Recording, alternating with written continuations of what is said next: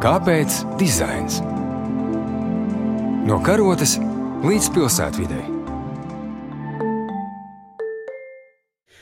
Olimpiskās spēles ir arī dizaina sasniegumu un radošās izpausmes sprādziens. Nemainīgi ir pieci apli, bet tajās ir daudz grafiskā, navigācijas dizaina, bet spēļu norisi varam uzlūkot arī kā labi vai slikti dizainētu pakalpojumu visiem, kas tajās piedalās vai vēro.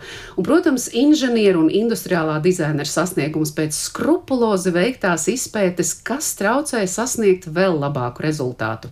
Sports, zinātne un tehnoloģijas un dizains, kur tie sasniegumi satiekas, ir bronzas medaļa Latvijas kamaniņu braucējiem. Un šajā mazliet rotaļīgajā pieteikumā ir ne tikai liels prieks, bet arī likumsakarība par sasniegumiem pēc smagi ieguldīta darba. Kamaniņu sportisti cīnās par sekundes simtaļām, un tur svarīgs ir viss - tērps, kamanas slieces. Par to šajā raidījumā, kāpēc dizains jūs uzrunā Ilza Dobele.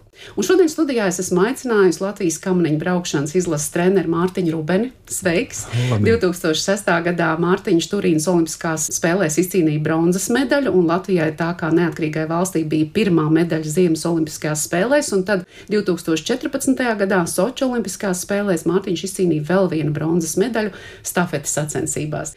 Studijā ir arī Inga Dāboliņa, Rīgas Tehniskās Universitātes ergonomikas elektrotehnoloģijas zinātniskās laboratorijas vadītāja. Sveiki. Jā, un vēl ir Dace Veipa, sporta apģērba ražotāja uzņēmuma Mint Print konstruktore. Labdien. Vispirms, lūdzu, atļaujiet jūs arī visus apsveikt ar šo brīnišķīgo panākumu, jo noteikti, ka medaļa ir dalīta kopā ar sportistiem jums katram. Es ceru, ka jūs katrs arī noteikti tā jūtaties un esat gandarīti par paveikto darbu.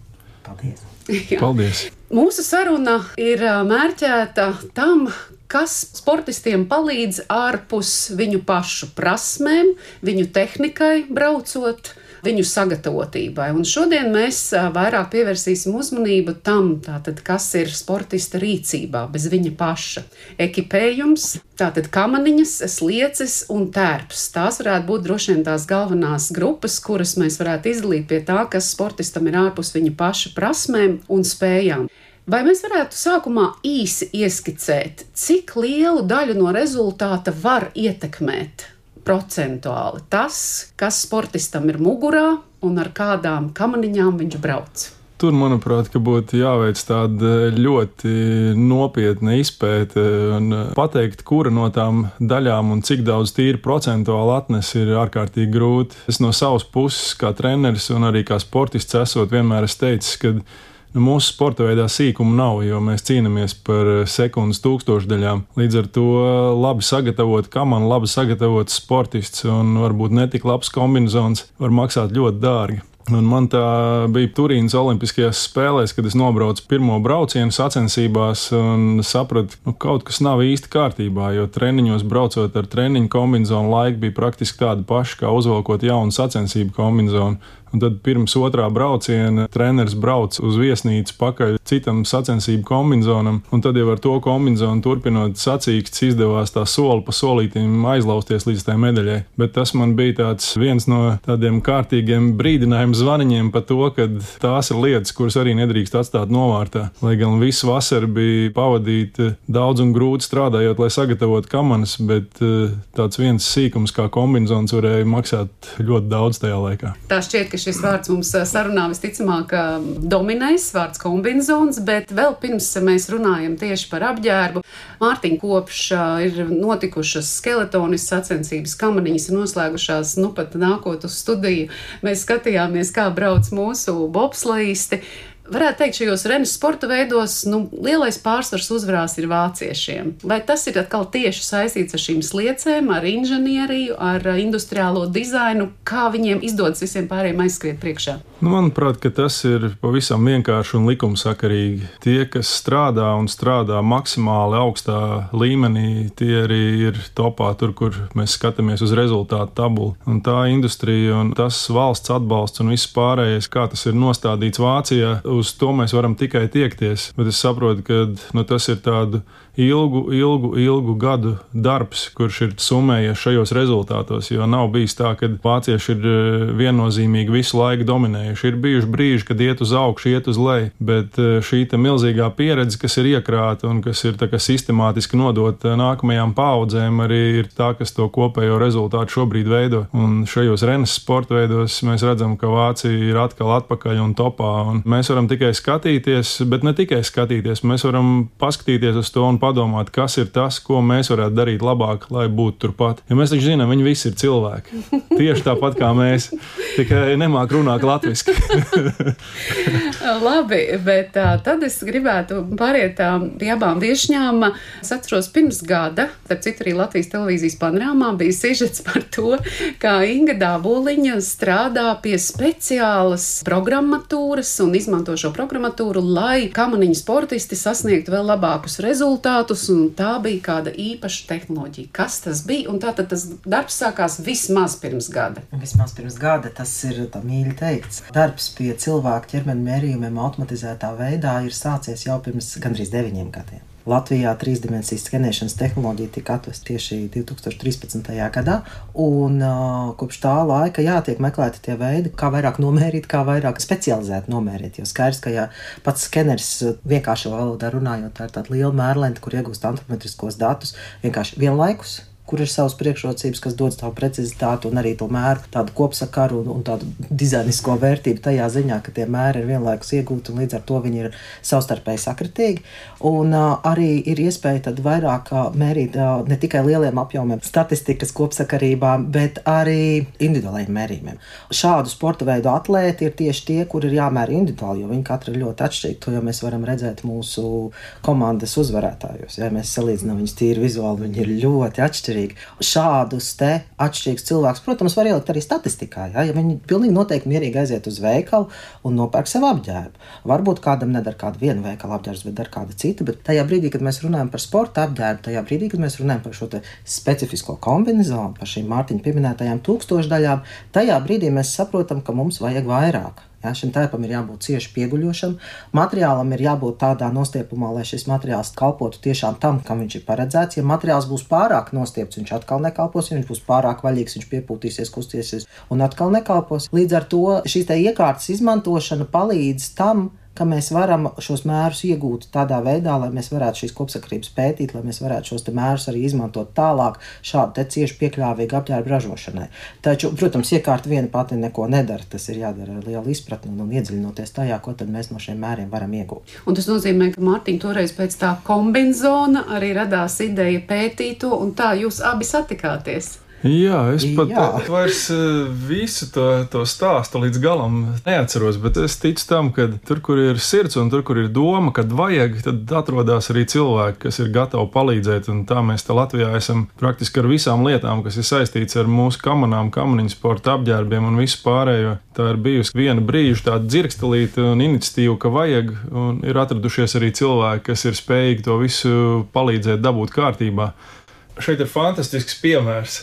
Inga un Eh, Inga ir nu, tiešām eh, profesors un fanāts visos tādos sīkumos un detaļās. Arī skatoties līdzi visai šī te tehnoloģija izaugsmai un kādas ir šīs jaunās iespējas. Jo viens ir varbūt nomērīt kombināciju un varbūt uztaisīt piegriezni, bet nākošais, kas mums ir tikpat svarīgi, ir visi šie savienojumi, kurā brīdī tā piegriezni tiek sašūta kopā un kā tiek aizdarīta šī šūna, lai Jā, tā tad... savukārt nelaistu gaisu. Un, un jāsaka, ka tas ir vēl viens no tādiem nākošajiem soļiem, pie kura mums mums būs tālāk jāstrādā, jo šobrīd Latvijā mēs pie šādas te tehnoloģijas netikām. Mums izdevās uztaisīt kopīgi šos te, nu, jau labus piegrieznes kombinācijas, bet vēl es domāju, ka eh, piestrādājot pie šīm šuvēm un vispārējā, mēs vēl varam atrast tur savus sekundes simtdaļas. Bet, Inga, kā veidojās jūsu sadarbība ar Dācu un Dācu, ka jūs jūtat, kad nāk jūsu darbības brīdis, tad jūs iestājaties sarunā? Tātad jūs nomērat. Tālāk jūs testējat droši vien kaut kādā brīdī. Ja? K kā jūs nonākat līdz tam brīdim, ka jūs saprotat, šis strādās vai nē?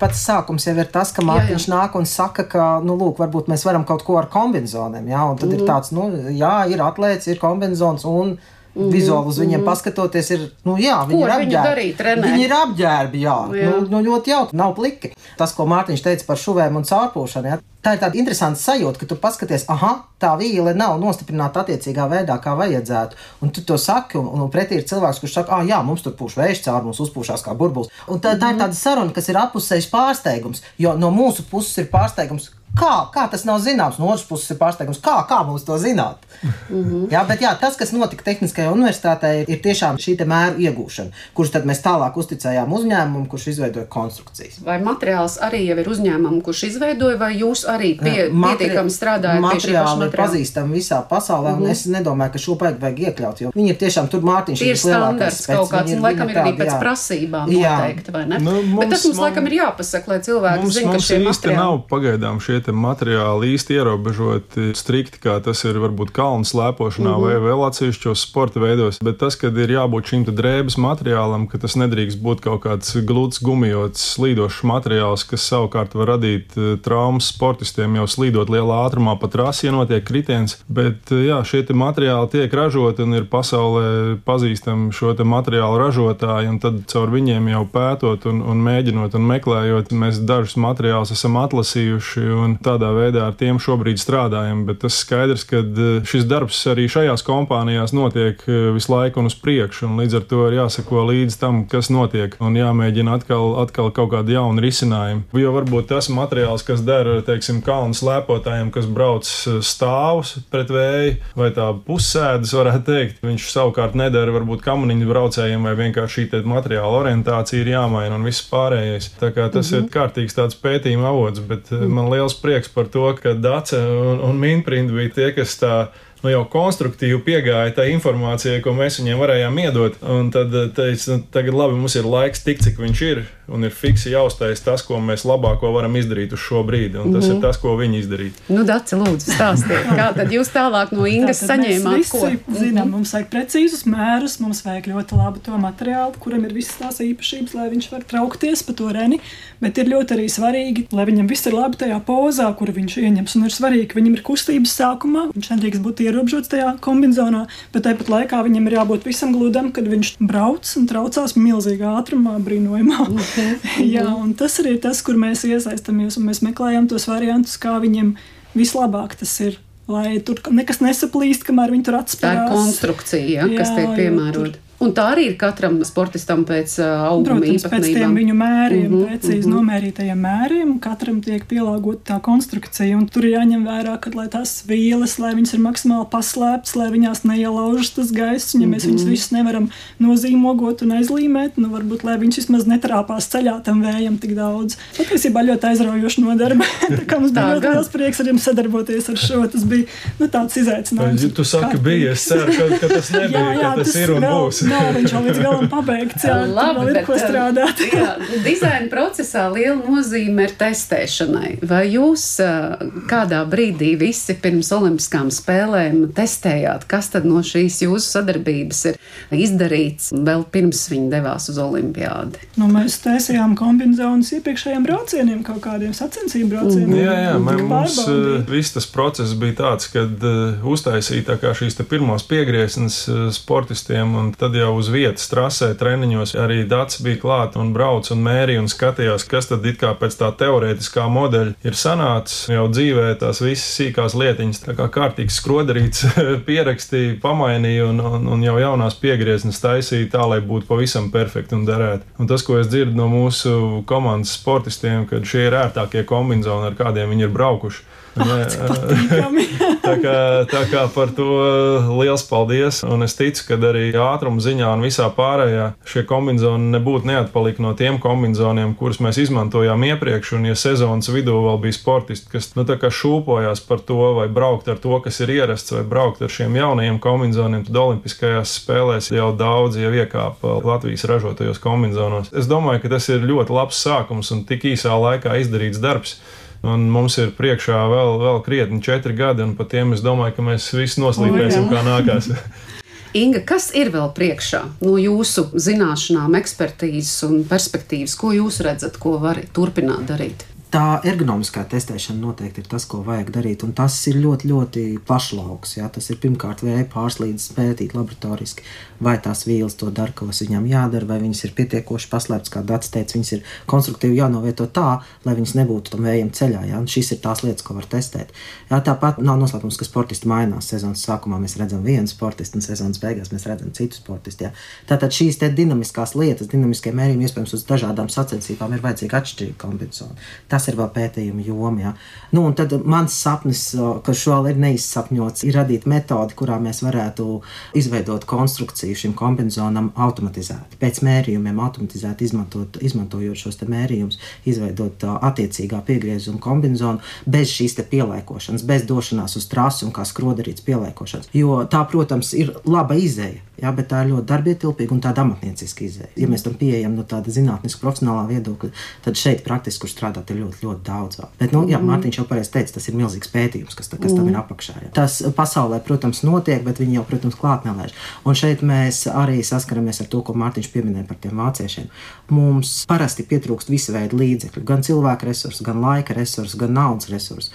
Jo universitātē darbs, zinātnē, pētniecība vienmēr prasa kaut kādu atskaites formu formu. Jā, mēs nevaram uzrakstīt par šo projektu. Jo tas ir noslēpums. Neviens taču negribēs mm. atklāt, ko mēs gal galā izdarījām. Jā. Mēs nevaram uzrakstīt par šo publikāciju, jo tas ir noslēpums. Jā. Līdz ar to, jebkurš zinātnes naudas pelnīšanas veids, tā sakot, mums ir liekts, tas ir slēgts. Jā. Šeit nav ceļa uz priekšu, lai mēs varētu ieguldīties tajā kaut kādā veidā pašpietiekami tas ir naudas jautājums. Tas lielākoties ir naudas jautājums. Nu, un, protams, arī cilvēki, kuriem deg, kuriem interesē to darīt, tas mm. arī ir klāt vēl jautājums, un kuri proti to darīt.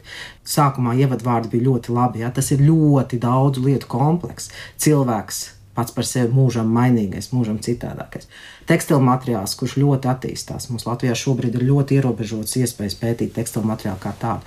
Mums Latvijā ļoti maz ražo tekstilu materiālu. Tie ir tikai ļoti, ļoti tradicionāli, pavisam, pavisam pamata materiāli, ko mēs aužam un, un, un varbūt apdrukājam. Jā.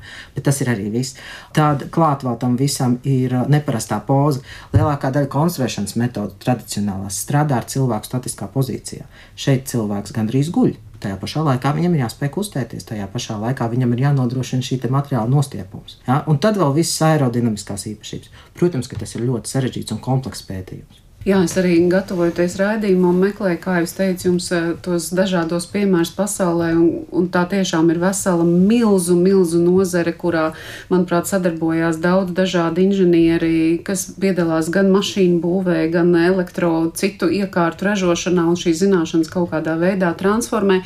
Un runājot tieši par tērpiem, tikai viens piemērs bija par 18. gada Korejas eh, spēlēm, kur amerikāņu bobsleja komandai veidojot šos te kombinācijas, arī pirmkārt arī bija domāts par to, ka vēl viņiem jābūt arī kaut cik necik siltiem, jo tomēr braucot tādā lielā ātrumā mm -hmm. ziemā un, un ziemas olimpiskās spēlēs kalnos, kur ir trases, kā mēs dzirdējām, piemēram, šodien Pekinā ir ārkārtīgi augsts laiks. Sportistam ir nepieciešams, lai ķermenis arī būtu silts, tā tad arī siltuma um, izolācija šim materiālam, plus noteiktās ķermeņa daļās arī kaut kā speciāli gan plecos, gan gurnos vai elkoņos veidots īpašs uh, materiāls, lai vēl vairāk panāktu šo aerodinamiku, braucot uh, bobslējistiem. Tikpat labi noteikti tas varētu būt ar citiem renes sportistiem. Ko jūs, Dārts un Mārtiņš, vēl arī saredzat, Dzingi izstāstīja, ko viņi varētu darīt, ko mēs varam turpināt, iesākt. Un vai tagad pārējie renes sportisti neteiks, visi Inga, mēs arī vēlaties, jūs mūs izmērat. Ir jau daži bijuši. Nav jau tā, ka nav, ir jau daži bijuši. tā kā tas mūsu mērķis ir, es domāju, tik līdz tai ideālajai konstrukcijai, nu, kad viņi tiešām ir. Un tad Inga jau to gan minēja. Mēs vēlētos viņu algoritmizēt, lai tas nebūtu katru reizi jādara manuāli uz katru jaunu sportistu, jo viņi mainās un nāk klāt. Un, mm -hmm. Tas būtu tas, kas vēl būtu darāms. Mārtiņ. Man tā sajūta joprojām ir, ka jālūkojas to tehnoloģiju virzienā, kas palīdz šo audumu varbūt pat ne sašūt, bet sajūgt vienu ar otru šīs piegrieznes kopā. Tur ir vēl daudz, daudz, ko mēs varam izdarīt labāk, jau zinot jau šobrīd esošās pasaulē tehnoloģijas. Vienkārši Latvijā, cik es saprotu, viņas ir pieejamas, bet viņas varbūt eh, nav tik viegli pieejamas, par cik mums šie kombinācijas top eh, praktiski uz katrām sacensībām un pielāgojot sportistam, tad, tad tādās kompānijās, kas strādā ar skatu uz priekšu divu gadu garumā, tagad atnākt un pateikt, lūdzu, aizdariet mums šūvis dažiem kombinācijiem. Tas nav viņa interesēs, apturēt ražošanas līniju un pieķerties pāris kombinācijiem. Līdz ar to es redzu, ka tas ir arī lauciņš, par ko ir jāpadomā, jāsaprot, kādā veidā varbūt eh, atrast vai piesaistīt finansējumu. Lai atsevišķi šim projektam, kurš varētu būt ne tikai kamana projekts, bet iespējams daudz citu sporta veidu interesējošs projekts, un šādu iekārtu iegādāties. Tieši tā, tas ir sadarbības jautājums pirmām kārtām. Iespējams, ka kāds noklausījies raidījumu, iedegsies un teiks, es, es varu tos dažus konvencionālus sametināt, dod man. Mums tā ir bijis, jā. Jo skaidrs, ka tādas iekārtas ir dārgas un ir vajadzīga ražošana. Tā iekārta ir jānodarbina, lai mm. viņi atmaksātos. Jā? Un skaidrs, ka uzņēmumam, kurš ar to nenodarbojas ikdienā, tāda iekārta ir lieka. Arī universitātei tāda iekārta ir lieka. Jā, tad būsim godīgi. Šādu iekārtu universitāte nekad dzīvē nenodarbinās. Jā, līdz ar to jā, tas ir sadarbības jautājums lielākoties. Nu, lūk, tad es gandrīz vēlreiz atgriežos pie sākuma jautājuma, bet nevis vairs procentuāli, bet sekundes, simtaļās un tūkstošdaļās. Kam jūs ticat, cik daudz rezultāts var mainīties no šī visa, ko jūs darāt, un cik viņš varbūt jau ir mainījies? Jūs teicāt, ka to ir ļoti grūti izmērīt un nav tāda tehnoloģija, bet varbūt, ka ir. Ir tā, ka tas nav gluži ticības jautājums, tas ir droši vien pamatojums jautājums, bet tas ir atkal ļoti, ļoti dažādu aspektu jautājums. Jā. Piemēram, šis materiāls ir ļoti elastīgs. Ar apbrīnu skatos uz sportistiem, kuri šajā materiālā iekļūst. Es esmu redzējusi, kā viņi apģērbjās kostīmā. Tas ir viņa grojums pats par sevi ar to katrs netiks galā.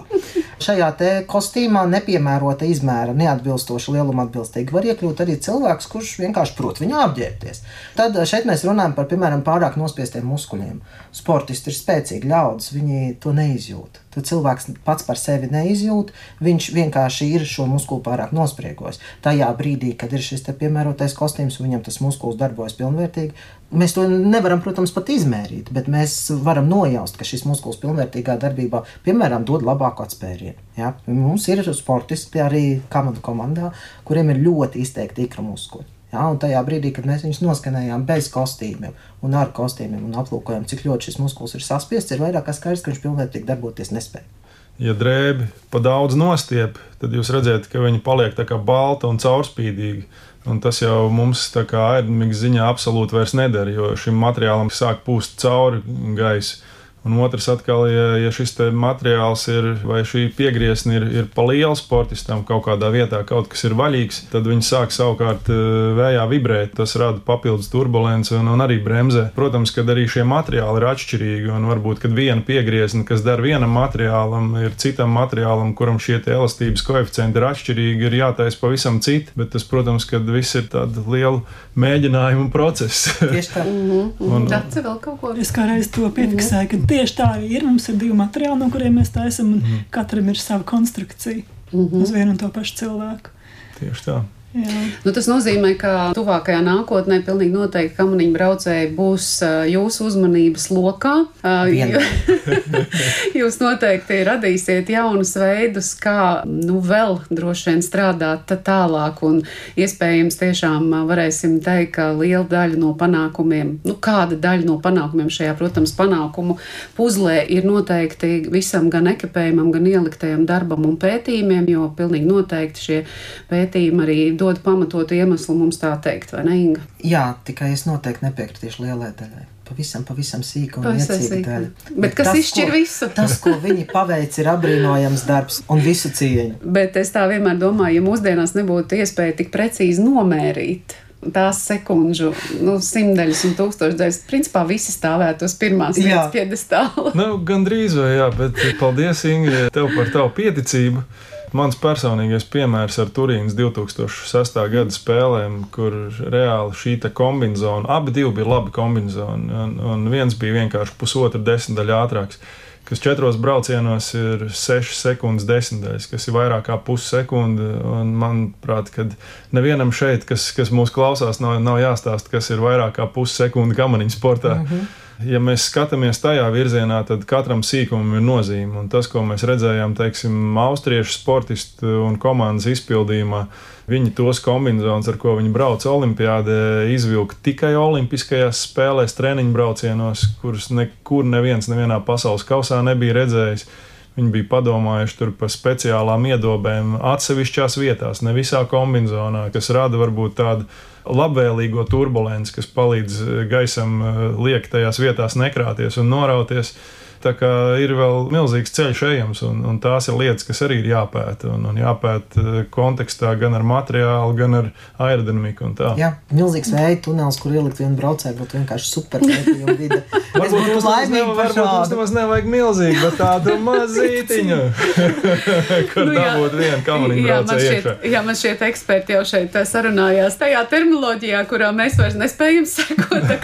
Droši vien, ka es jums teikšu paldies par sarunu šajā reizē un paldies par jūsu paveikto darbu, kas ļauj mums visiem izjust prieku, kas tiešām, manuprāt, ir ļoti liela vērtība, prieks kā tāds, un prieks par savējumu, un prieks par to, ka mēs patiesībā esam paveikuši tādu darbu. Tiešām vēlreiz liels paldies jums arī par dalību šajā raidījumā, un droši vien, ka jūsu darbs nav apstājies ne mirkli, visticamāk Tieši tā. tā.